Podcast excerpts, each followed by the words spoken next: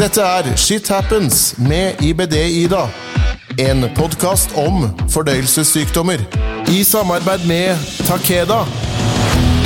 Etter først å få snudd livet på hodet pga. kronisk sykdom, får mange nok en stor livsendring. En endring mange kjemper med nebb og klør imot, men som i mange tilfeller er uunngåelig. Man går fra å være en bidragsyter til samfunnet til en person som ikke lenger er en del av det. En som før bidro til Norge AS, og nå som får av Norge AS.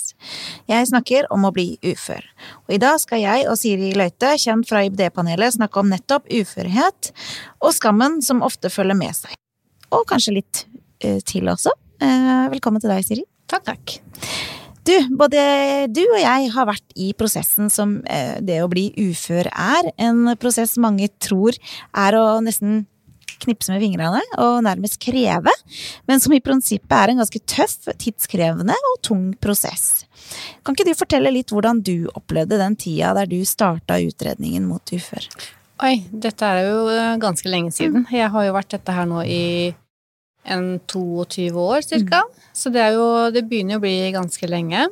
Eh, det som var, var jo at Eh, jeg var jo da hjemme i fødselspermisjon, for jeg hadde jo akkurat da født eh, dattera mi. Um, og det var jo min eksmann den gangen som uh, fikk meg over på tanken til at vi skulle søke mm. ufør. For det er som han sa, du er jo mer hjemme og på sykehuset enn ja. du er på jobb. Den veien for min del var litt lang vei å gå. Mm. Men, men, jeg skjønte jo ganske raskt også at han hadde et poeng, og da ja. starta vi på prosessen. Eh, og da gikk det jo hele min fødselspermisjonsperiode, da, før den ble innvilga. Og Eh, når den var innvilga, så kjente jeg først på litt lettelse, fordi at eh, ok, nå er det måte, nå er det valget tatt, mm. og nå blir det sånn. Mm. Men jeg må jo si at det har vært eh, ganske mange runder rundt den prosessen i alle åra som følger, da. Fordi mm. at det å gå hjemme er ikke bare bare. Nei, det er ikke det, altså. Jeg husker jo sjøl den tida hvor Altså, for min del så var jeg jo i Altså, jeg var jo 17 da jeg ble syk, og kom jo rett inn i eh, Nav. Eh, eller det heter jo ikke det den gangen, jeg husker ikke hva det heter. Arbeidskontoret. Arbeidskontoret, ja. ja. Uh, og allerede da fra starten av, nettopp fordi at jeg ikke kunne gå på skole, og da var det de da som skulle overta eh, forsørginga av meg, om at jeg hadde flytta hjemmefra.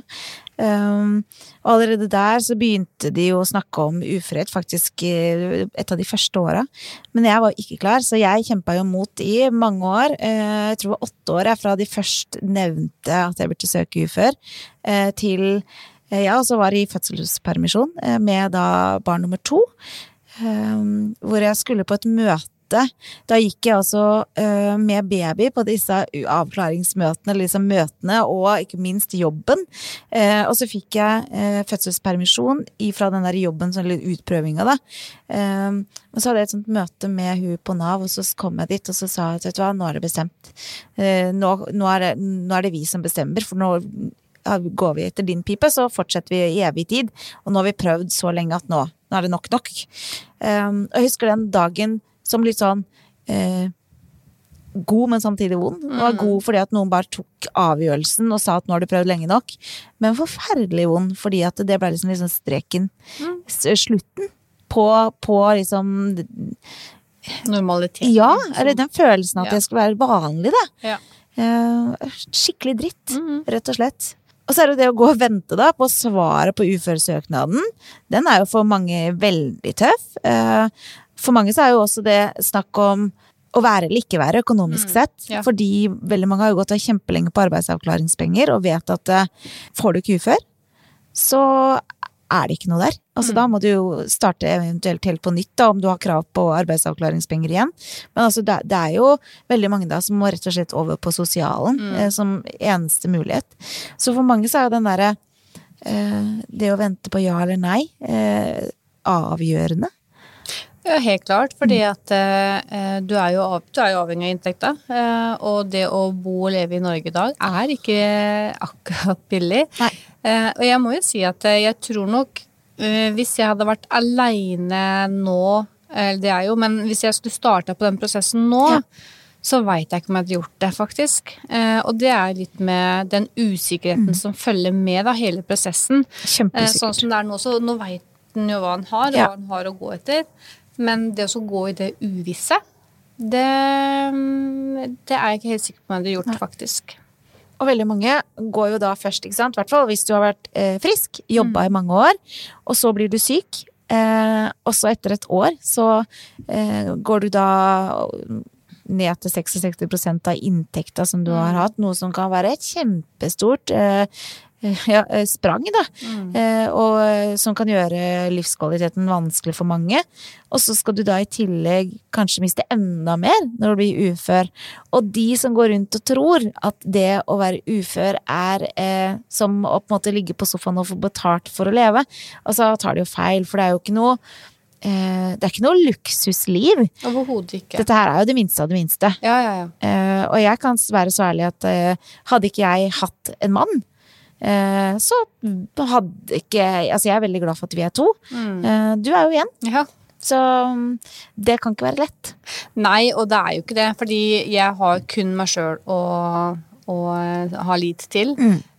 det er liksom ingen å dele de byrdene med, da. Og det, det kan være knalltøft, og spesielt i de tidene som er nå. Mm. såpass ærlig må man jo være. Og det å, at det er en enkel løsning, eh, at man skal velge å gå hjemme som ufør, da tenker jeg at da må man eh, eh, lese seg opp litt bedre på hva det handler om, for det handler jo ikke om det i det hele tatt. Eh, men det betyr jo heller ikke at selv om du er ufør, så betyr jo ikke det at du ligger Nei. eh, At ikke du fungerer i samfunnet eh, i det hele tatt. Men Det er en mistrohet. Som veldig, Ja, og jeg veldig. huska jeg trodde det sjøl òg. Jeg, Ja. følte- jeg følte meg ikke som Og det er litt sånn flaut å si, men jeg må jo ærlig jeg må være ærlig på det, for jeg har jo alltid Og jeg husker jeg sa det òg, at jeg føler meg ikke som en av dem. Eh, jeg, jeg er jo ikke som de. nei. Ikke sant? Jeg er jo ikke en som ligger og drar meg på sofaen og som, som ligger og skal ha og ha. Jeg er jo, jeg er jo en som vil jobbe. Og den har, den har jeg virkelig måttet altså, spise hatten for, holdt jeg på å si. For jeg vet jo nå at jeg er jo som alle de andre. Jeg er jo som deg, jeg er jo som alle andre. Jeg har lyst, hadde lyst på et helt annet liv enn det jeg fikk. Um, eh, og den, eh, den, har jeg, den trengte jeg egentlig litt. eh, å kjenne litt på. For det, mm, det er jo som du sa i stad, det er med å kaste stein i glasshus. Den, Ja. eh, mm, Ja, og så tror jeg at man trenger også å kjenne litt på det nå, fordi at man blir jo litt mer bevisst eh, på ting også. Ja. Eh, og vi er jo så gode på å sette hverandre i bås, Mm. eh, og det er så mye stygt da, som følger med det ordet uførhet. Mm. Um, og det kjenner jeg at eh, den er litt vanskelig, faktisk. Og så kjenner jeg at der kommer den steinen i det glasshuset igjen. Jeg gjør det nok kanskje egentlig sjøl. Ja. Eh, fordi at det følger så mye med fra gammelt av rundt det å være ufør. Ja. Men eh, jeg tenker at eh, de aller fleste ønsker ikke å være det, ikke sant. Man vil jo bare ha et så normalt liv som mulig og, jobbe og med alt det det medfører. Og så tror jeg faktisk jeg vil gå så langt som å si at det å eh, si at uh, Pål uh, ønska å være ufør, da, mm. um, og han fikk det fordi han hadde lyst, det tror jeg er en myte. Ja. Eh, fordi eh, det å være ufør er ikke lukrativt. Nei. Det er noe som de som ikke har god nok peiling på det, eh, det er litt sånn bitterhet over det, litt sånn eh, sjalusi over det å ikke måtte jobbe. Du Eh, velger ikke automatisk en Nei. dårlig livsstandard bare for at du vil gå hjemme. Nei. Sånn funker det ikke. Fordi at for mange så Det går ikke rundt. Mange klarer det faktisk ikke. Så du velger ikke det. Nei, man velger ikke bort et, et fungerende liv, da, mot å måtte være For det er en annen ting også man mister, eh, og som vi skal litt mer inn på etterpå, er jo eh, tilhørigheten til samfunnet, da. Men du, den dagen som jeg fikk innvilga ufør, det var en kjempemerkelig dag for meg. Jeg vet ikke åssen det var for deg, men eh, for det var jo, Vi er litt inne på det samme som når det ble bestemt. da, Det var en kjempestor eh, sorg. Men så var det en glede samtidig, for det, det var en sånn sorg over at det livet jeg hadde sett for meg, da, med jobb og kollegaer, ikke minst å tjene egne penger, julebord, eh, felles lunsjer, eh, eh, fredagspilsen, ikke sant, alt dette der, det blei aldri noe av. Eh, der var streken. Eh, men så var det en glede over og endelig, etter åtte år med å ha Nav i nakken 24-7, det var over. Eh, For å være i utredning med Nav, det er utrolig slitsomt. Og nå skal det sies, jeg har ikke hatt noe trøbbel med Nav i det hele tatt. Jeg har vært veldig heldig, hatt god oppfølging. Men allikevel så er det hele tida noe som kreves av deg til eh, dems pipe. Det, det, du skal hoppe når de sier hopp, eh, og er det sånn at ikke jeg kunne, så var det liksom Ja. Det er veldig, veldig slitsomt. Men det var også en glede ø, over å bli trodd. Uh, for det at å få den derre stempelet på ja, du, du får uføren, var sånn ok, men da tror de på meg. De tror på at alt det jeg har sagt, det uh, har de trodd på. Uh, og ikke det motsatte. Da sitter jeg og ljuger, da. Uh, nå skal det sies at, du, at det å ljuge på seg uførestønad det er jo veldig vanskelig, for det er ganske mange leger som skal inn og skrive under dette her. Ja, og det er ikke Nav som på en måte i utgangspunktet tar ene og alene denne avgjørelsen. Dette er jo et legeapparat Mm. i forhold til kanskje lange utprøvninger og utredninger gjennom mange år med Ja. medisiner og undersøkelser og behandlinger. Så det er mye som ligger bak. Ja, det er det. Og det er ikke sånn at de bare ser på deg og sier du får. Nei, du får ikke. ikke. Jeg kan huske at jeg satt i trappa ute og følte meg knust eh, over at uførestønad liksom var sikra, da. Men samtidig så hadde jeg jo da en fast sum i måneden. Jeg har en minstesats pluss en ung, ung uførestønad i og med at jeg blei syk før jeg var 25 år. Nei, 26. Eh, så i det minste da, så kunne jeg i hvert fall bidra med litt inn i husholdningen, selv om det overhodet ikke er å være likestilt med partneren min, så er det i hvert fall å bidra med noe. Eh, hvordan var det for deg? Husker du den dagen du ble ufør? Eh, nei, altså jeg husker ikke så veldig mye av det da, fordi som sagt, det her er så mange Ja. år siden. Eh, jeg eh, kjenner mer på de tingene jeg kan ha kjent på det opp imellom åra. Og så en annen ting, jeg var jo så ung. Mm. Ja. Mm. Jeg var jo helt i starten av 20-åra den gangen. Sånn at eh, jeg har vel mer kjent på det og kan ta mer litt stilling til det på en litt annen måte etter Ja. som jeg er blitt litt mer ja. voksen og kan se litt annerledes på ting. Så det er nok en mer prosess som har pågått Over de siste åra. Ja. Ja. Ikke så mye i starten. Vi har nå begge vært uføre i ganske mange år. Eh, Jeg tror jeg ble ufør i 2013, hvis jeg husker riktig. Eller 12? 12 må det vel ha vært, for sønnen min var jo liten. Eh, La oss snakke om det mange av oss opplever i stor grad, eh, nemlig ganske mye skam. Mm. Og det er noe vi selv går og kjenner på. Selv om verken sykdom eller uførhet i seg selv er noe vi har valgt, eh, eh, så, eller at det er på en måte selvforskyldt, så er det nettopp det kanskje mange tror. Eh, har du noen opplevelser rundt det?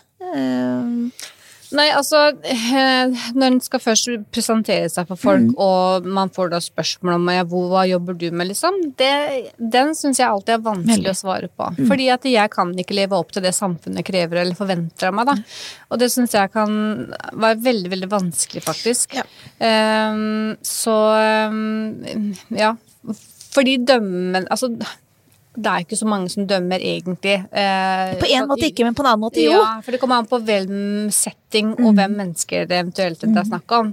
Eh, men eh, nei, det syns jeg er vanskelig å si. At eh, nei, jeg, jeg er ufør, jeg. Mm. Men jeg føler jeg blir sett på som, som, som så lite spennende, da. Eller Ja. så at jeg ikke har noe å bidra med i en samtale, på en måte. Ja. Eh, det er sånn Det merker jeg veldig godt nå som jeg holder på med dette. Mm. Hvis du møter meg som IBD-Ida, Mm. eller du møter meg som uh, Ida ufør, Mm. så blir jeg tatt imot på to vidt forskjellige måter. Ja. Og det er ikke rettferdig, for jeg er akkurat den samme person. Mm. Men det er akkurat som idet jeg sier jeg har en jobb og jeg driver med dette, alle er interessert. Mm. Men når jeg sier at nei, du jeg er ufør, jeg, så er det sånn å ja, ok. Og så er liksom interessen over. Totalt. Og, og det, Du kan få drept enhver samtale med akkurat Mm. Den setninga, faktisk. det er, og det er ikke rettferdig. Nei, det er ikke det. Men hvorfor tror du at uføre blir sett på så, med så negative øyne da, av så mange? Jeg veit ikke. Jeg tror nok det har noe med at eh, som ufør så blir du sett på som en latsabb. Mm. Um, og så trenger jo ikke det være tilfellet i det hele tatt. Nei, overhodet ikke. Jeg vil jo tro det. Jeg vil jo heller si nesten det motsatte. Ja, ja, ja. Og så er det nok at vi- de aller fleste ønsker å bidra til, til samfunnet på en eller annen måte. Om det er eh, noe du gjør i arbeidslivet eller Mm. på andre måter. Eh, og så de som er ufør, eh, ser du ikke i den settinga. Eh, for de bare tar fra samfunnet, Mm. tenker du, og så bidrar de ikke. Og det tenker jeg at det er jo en ganske eh, feil Mm. klasse å putte de i, da. Ja, for de flesteparten gjør jo faktisk De bidrar jo på veldig mange områder. Ja. Så, og så er det noe med å tenke At man De bidrar jo med den eh, eh, energien som de kanskje har igjen, da. Mm.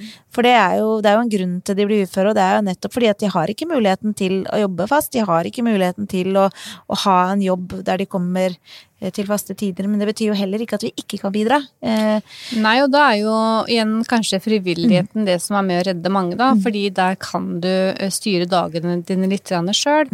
Fordi det å være ufør betyr ikke at du er syk eh, Du har ikke blitt ufør heller fordi du er syk 24-7. Eh, det også er nok litt viktig å tenke på. og det er det mange som tror. Ja, ja, ja. Og så er det jo ikke helt sånn. For du kan ha lange perioder som du kan være veldig, veldig fin. Og så kan du ha lange perioder som du kan være veldig syk, veldig, veldig mye syk. Og det kan være såpass ustabilt også for arbeidsgivere.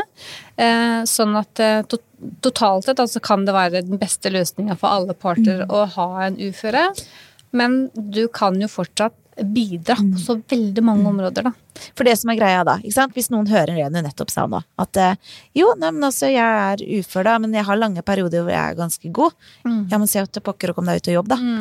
Og det er her problemet er. Nemlig. Da tenker du ikke langsiktig. Da tenker du ikke ja, men ok, eh, jeg kan eh, Nå har jeg vært fin i to uker, da. Kjempebra. Eh, hvem arbeidsgiver vil ha deg? Du jobber i to uker, og så skal du være tre måneder borte. Og så er du plutselig frisk én dag, men så er du sjuk igjen i fire dager. Altså, det er så uforutsigbart at det er jo ikke noen For det første så er det vanskelig for deg som, som syk, fordi du vet aldri når du kan, når du ikke kan bidra. Da må du jo være oppå en annen person, da.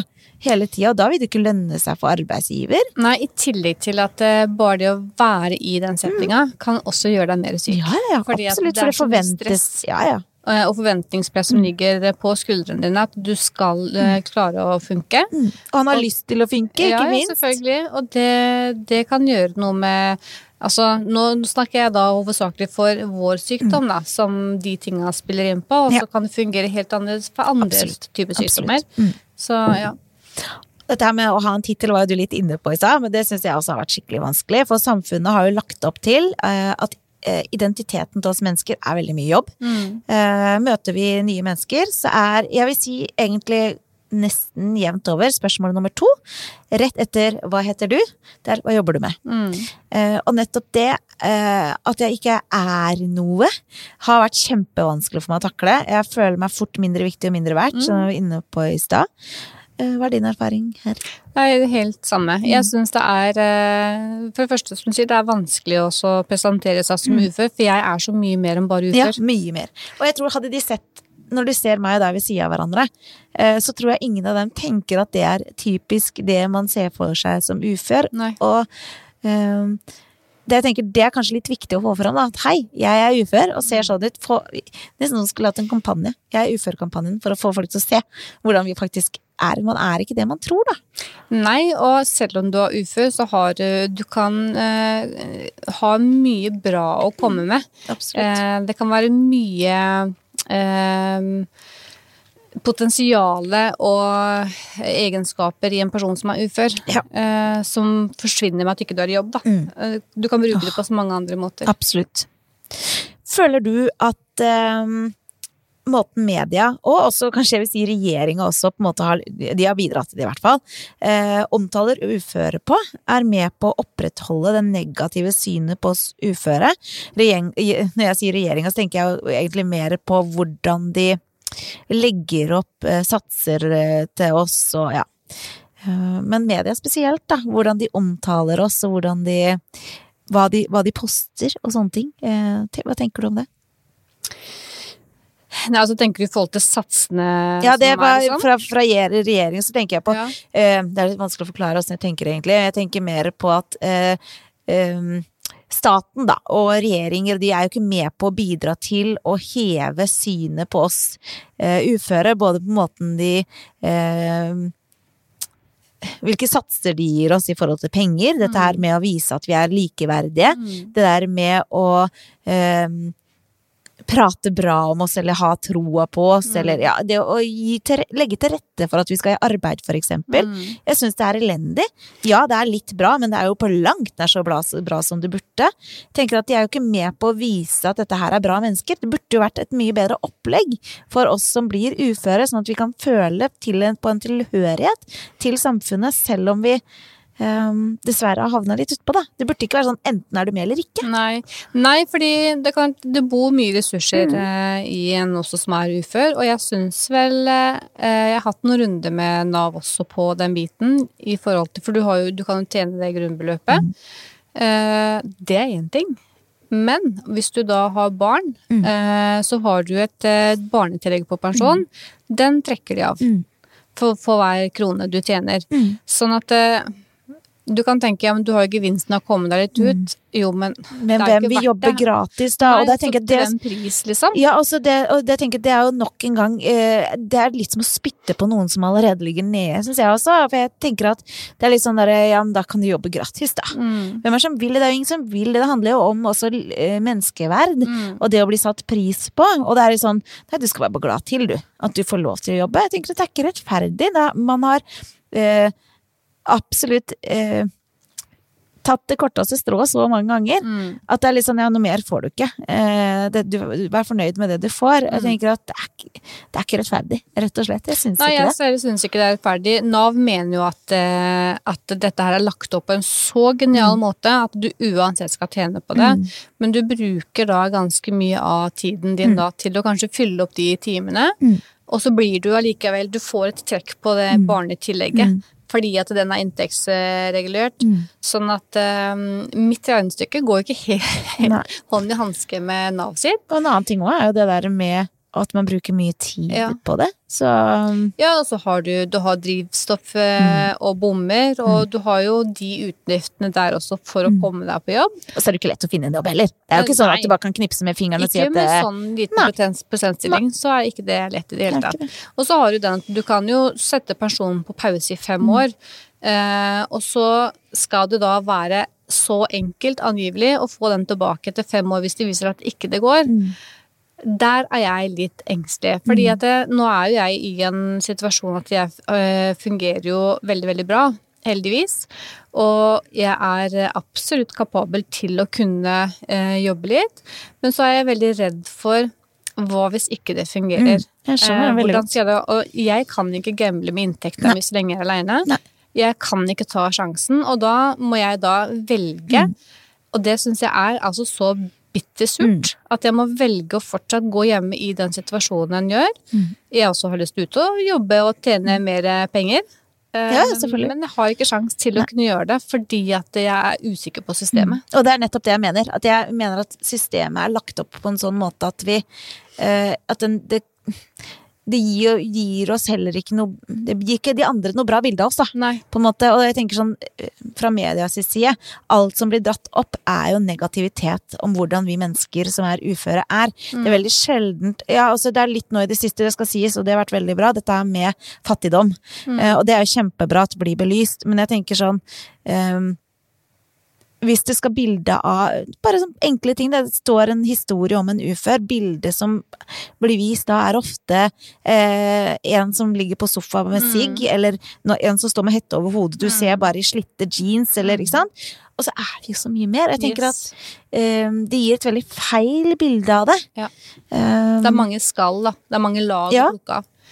Eh, og så er det jo eh, den andre sida. Én ting er når du skal møte eh, Kall det den vanlige mannen i gata Mm. og presentere deg for folk ikke du kjenner og sånn. Og så er det en annen eh, side igjen når du skal treffe nye mennesker på datingfronten. Eh, Den å komme da med å ta ufør, Ja. der er det mye som hopper av, altså. Mm. For det er ikke, det er ikke noe sjekketriks. Nei, jeg har ingen erfaring med det. Nei. Det er jo veldig mange år siden jeg var der, men jeg, jeg, jeg kan jo se det for meg. Ja, Mm. nei, det er eh, For det spørsmålet kommer jo ganske Mm. fort eh, i en sånn datingfase. Eh, så er jo det et av de første spørsmåla som kommer. Mm. Og den Jeg har liksom foreløpig enda ikke funnet en veldig god vri på det. Nei. Som jeg syns kan fungere. Eh, Nei, og så er det noe med at barna dine er så store nå, ikke Ja. sant? så det der med å si at nei, jeg har valgt å være hjemme med, hjemme med barna, den, den funker jo liksom ikke like Nei. bra nå heller. Og før eller siden så må man jo være ærlig, ikke sant, og si Ja. sannheten. Så jeg, akkurat rundt den der så kjenner jeg faktisk på en kjempeskam Mm. rundt den uh, å være ufør. At det, kan jeg er ikke verdt mer enn det. Nei, ja, ja. Det er min prislapp. Mm. Ah, Fy søren, det er vondt. Ja, den er, eh, den er kjip. Mm. Men åssen er det i forhold til hvis du Dating, da. Eh, og du hadde møtt en annen som hadde sittet på motsatt side, eh, og han hadde fortalt at han var ufør. Hvordan hadde du takla det? Der igjen da, så er vi inne på den glasshuset. Ja. Jeg, jeg har jo fordommer, jeg òg, på lik linje som alle andre. Men så prøver jeg ikke å, å ehm, Jeg tror nok ikke jeg hadde avfeid mennesket eh, helt og fullt Nei. ut med en gang. Mm. Eh, fordi det kommer jo helt an på situasjonen. Og mange kan være Altså, det er vanskelig å skal gå inn i et forhold med en som kanskje er kronisk syk 24-7 Ja. eh, fra det tidspunktet du møtes, enn en som kan være litt opp og ned og ha ulike dager. Så tenker jeg at det trenger ikke det å ha så fryktelig mye å si. Det er jo mennesket bak du skal bli kjent med. Absolutt. Mm. Og igjen så kommer det en sykdom som skal styre livet ditt eh, på de frontene der, og det, den er litt kjip. Ja, den er det, altså. Mange tror at mange lyver på seg sykdom for å slippe å jobbe, eh, og det der med å få tusenvis av penger inn på kontoen hver måned, måned da, uten å ha løfta en finger, eh, vi har vært litt inne på det, det, der, eh, det er jo selvfølgelig ikke sant, men hva tenker du om at folk tenker det? Eh, hva skal jeg si No, jeg vil tro at i noen tilfeller så er det nok sikkert noen i det.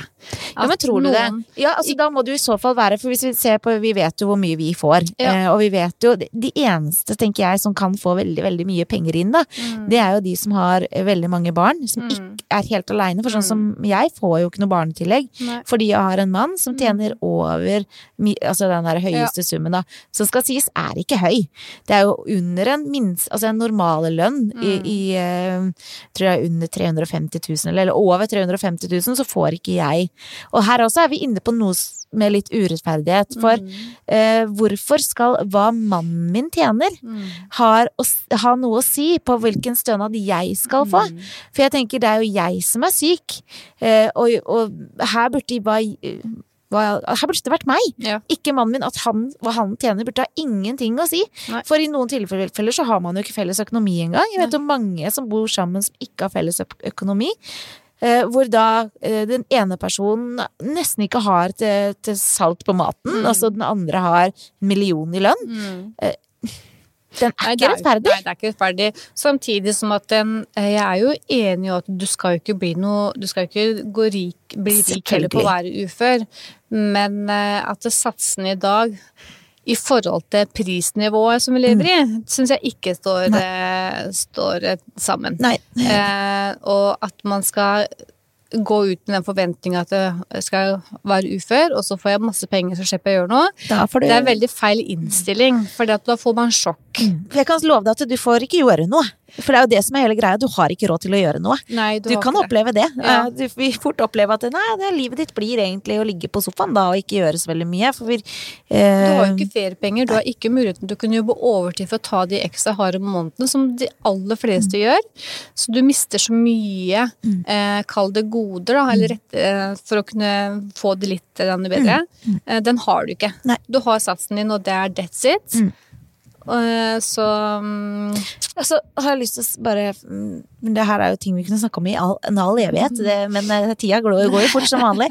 Men uh, dette her med uh, at vi som uføre uh, ofte blir sett på som jeg var litt inne på det i stad. Det her med eh, jeg, har lyst til å dra fram en historie, for jeg hadde ikke vært ufør veldig lenge. Hadde da eh, venner som var jevngamle. Eh, vi står og prater sammen, har da akkurat blitt ufør. Eh, og eh, de snakker om økonomi og liksom tunge, tunge ting, da. Eh, litt, litt dette her med Norge i dag, hvordan har vi det, og samfunnsspørsmål, rett og slett. Eh, hvor jeg da sier min mening, og hvor jeg får smelt litt tilbake at dette kan ikke du mene noe med, for du er jo på en måte ikke Dette har ikke du kunnskap om. Og den har jeg følt mange ganger. Det at som ufør så har du ikke Da er du plutselig litt sånn dum, eh, og du har på en måte ikke rett til å mene noe om samfunnet eller Ja, og den er litt kjip. Den er det. Jeg kom til det punktet til slutt at eh, jeg har gått egentlig mange år og lurt på eh, Altså, det, det kan ikke være det her livet mitt skal bestå av. Eh, Så jeg måtte finne en ny mening med ting. Og finne hva, hva skal jeg bruke livet mitt på. Og da, for min del, så blei det eh, å gå inn i frivilligheten. Eh, og en annen ting, du kan si så mye du sier med alle de lønnstoppene vi vil, men altså verden er faktisk styrt av frivillighet. Ja. Uten frivilligheten Ja, ja, så hadde verden gått sammen. Så Helt enig. Eh, for min del så har det gitt masse mening, Mm. det å kunne bidra tilbake til samfunnet, føle at du er til nytte, at noen trenger deg. Mm. Eh, det, for min del så har det vært redninga mi, i hvert fall. For da, det å gå hjemme, det er ikke bra for mitt hue. Jeg er nødt til å være sysselsatt med noe. Mm. Og det tror jeg kan være for veldig, veldig mange. Ja. Du, når jeg fortalte lytterne og følgerne at vi skulle prate om dette temaet i dag, så sto virkelig ikke innboksen stille. De fleste ønsker å være anonyme, eh, men de sier at de skammer seg, føler seg mindre verdt, at de føler andre ser på de som snyltere, de føler seg mistrodd, eh, føler en at de konstant er under oppsyn, og at de ikke kan for eksempel gå på kino eller på fest uten å være klar over at noen vil mene noe om de, da. Eh, noen snakket også om at de som uføre ble mindre ønska av, av vennekretsen, og oppdaga at de enten ble holdt utafor, eller sakte, men sikkert bare blei borte. Eh, mange har skrevet om en kjempestor sorg eh, som de har, sliter med å bære. Noen klarer rett og slett ikke å finne meninga med livet, og det er nettopp det vi snakka om da. Eh, og har et, et kjempetrist liv. Og nå har jo både du og jeg funnet vår greie, da, som har gitt oss litt verdighet, og ikke minst mening i livet. Eh, du har jo eh, frivilligheten. Mm. Eh, jeg har jo da Shit Happens. Hvor viktig har det vært for deg? Det har vært helt totalt avgjørende. Mm. Eh, fordi at det å bare gå hjemme i sine egne tanker og følelser, og du har altfor mye tid. Ja. Og det, for meg så var ikke det bra. Nei. jeg er ikke bra for meg sjøl. Eh, sånn at jeg fungerer mye bedre når jeg har noe fast jeg kan gå til. Mm. Eh, og skulle det ikke Skulle en ha en periode som ikke er så veldig bra, så har en også mulighet til å si beklager, nå kan ikke jeg komme. Ja. Eh, og det er det takhøyde for. Så eh, det å finne et eller annet du kan eh, tilbringe den tida med For jeg vil anbefale de aller, aller fleste. Har du muligheten til det, så finn et eller annet om en, enten en hobby, eller om det er noe frivillighet, eller altså et eller annet å henge fingrene i. Mm. Sysselsett deg sjøl på et eller annet vis, da. Mm. Eh, og jeg kan kjenne meg litt igjen i alle de spørsmålene som du kom med der. Alle de følelsene som folk kjenner på. Jeg tror de aller fleste også har kjent på akkurat det samme, og det er så trist. Mm. Og, og så var det en ting til som ble nevnt som ikke, som ikke jeg sa. Det var det, det å føle på at økonomien hele tida holder deg igjen. Ja. Sånn som 'Å, skal vi ut og lunsje?' Har ikke råd. Eh, 'Skal vi dra på syden til Syden?' Har ikke råd. Mm. Hele tida var den som sier 'Vet du, jeg kan ikke være med, jeg kan ikke være med'. Så ender det med til slutt at du kan ikke være med på Mm. noen ting. Eh, og har du barn i tillegg da, og skal være den som hele tida må si nei til barna dine Mm. ah, Fy fader, det er tøft, altså. Det er altså. vondt. Ja. Og der igjen, barn er kan som har bedt om å bli satt i den Nei, situasjonen. nettopp. så- Og det er jo veldig mange som da sier men hvorfor skaffer du deg barn når du har Og den har jeg også hørt. Jeg har fått høre rett ut at det er uforsvarlig av meg å få barn når jeg tross alt har, har både sykdom og ikke har og er ufør, da. Men jeg tenker at eh, for det første så er ikke det et valg jeg har tatt aleine, vi er to om det. Mm. Eh, og uførhet og sykdom, det kan ramme den med absolutt høyest inntak. Det, altså, Absolutt. det kan være en bankmann eller en forretnings... Du kan være like god mor. Det er ikke en sykdom som avgjør om du er en god mor eller ikke. Nei, det er det ikke.